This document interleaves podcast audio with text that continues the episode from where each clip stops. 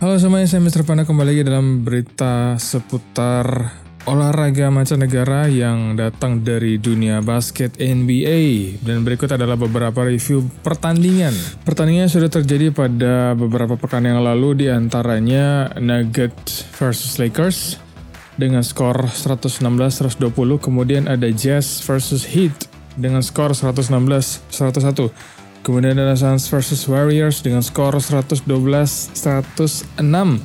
Dan di pertandingan berikutnya pada hari Jumat tanggal 14 Februari 2020, Celtics berhadapan dengan Clippers dengan skor 141-133. Kemudian ada Pelicans versus Thunder dengan kemenangan Thunder 123-118.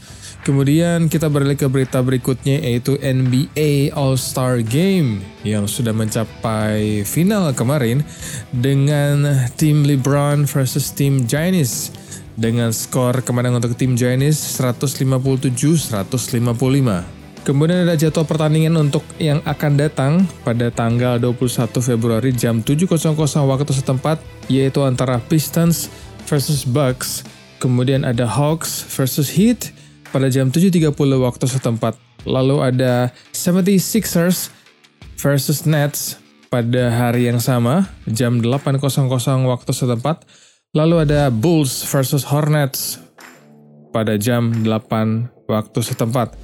Kemudian pada jam 10 waktu setempat, Kings versus Grizzlies and Warriors versus Rockets pada jam 10.30. Kemudian di hari Sabtu tanggal 22 Februari 2020, Magic bertemu dengan Mavericks pada jam 7.00.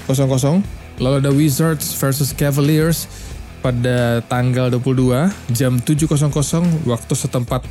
Lalu ada Knicks versus Pacers pada jam 7.30 waktu setempat hari Sabtu tanggal 22 Februari 2020. Kemudian ada Raptors versus Suns pada jam 7.30. Lalu ada Timberwolves versus Celtics pada tanggal 22 Februari 2020 jam 8 waktu setempat. Lalu ada Thunder versus Nuggets pada jam 8.00 waktu setempat. Lalu ada Jazz versus Spurs pada jam 9 waktu setempat. Kemudian ada Lakers versus Grizzlies pada hari Sabtu pukul 10.30 waktu setempat. Kita ke klasemen sementara yaitu Eastern Conference. Di wilayah timur ada peringkat pertama diduduki oleh Bucks dengan poin 46. Kemudian ada Raptors di urutan kedua, lalu ada Celtics, ada Heat di urutan keempat, ada 76ers, Pacers, Nets, Magic, Wizards, Bulls, Hornets, Pistons, Knicks, Hawks, and Cavaliers. Itu dia adalah peringkat di wilayah timur. Kita ke wilayah barat ada LA Lakers yang menduduki peringkat pertama, lalu disusul oleh Nuggets, kemudian di urutan ketiga ada Sleepers, lalu ada Jazz, Rockets, Thunder, Mavericks, Grizzlies, Trail Blazers, Spurs, Pelicans, Suns, Kings, Timberwolves, dan Warriors. Itulah beberapa peringkat yang sudah terjadi di wilayah timur dan wilayah barat. Kita ke berita berikutnya yaitu berita tentang LeBron James dalam gelaran NBA All-Star 2020. LeBron James forward Los Angeles Lakers kembali masuk ke jajaran NBA All-Star pada 2020 tahun ini. Ia tidak pernah absen dalam gelaran antar bintang sejak tahun 2005 silam. James sudah 16 kali beruntut masuk ke sana, bahkan menjadi kapten dalam dua tahun terakhir karena mengantungi suara terbanyak dari hasil pemungutan suara.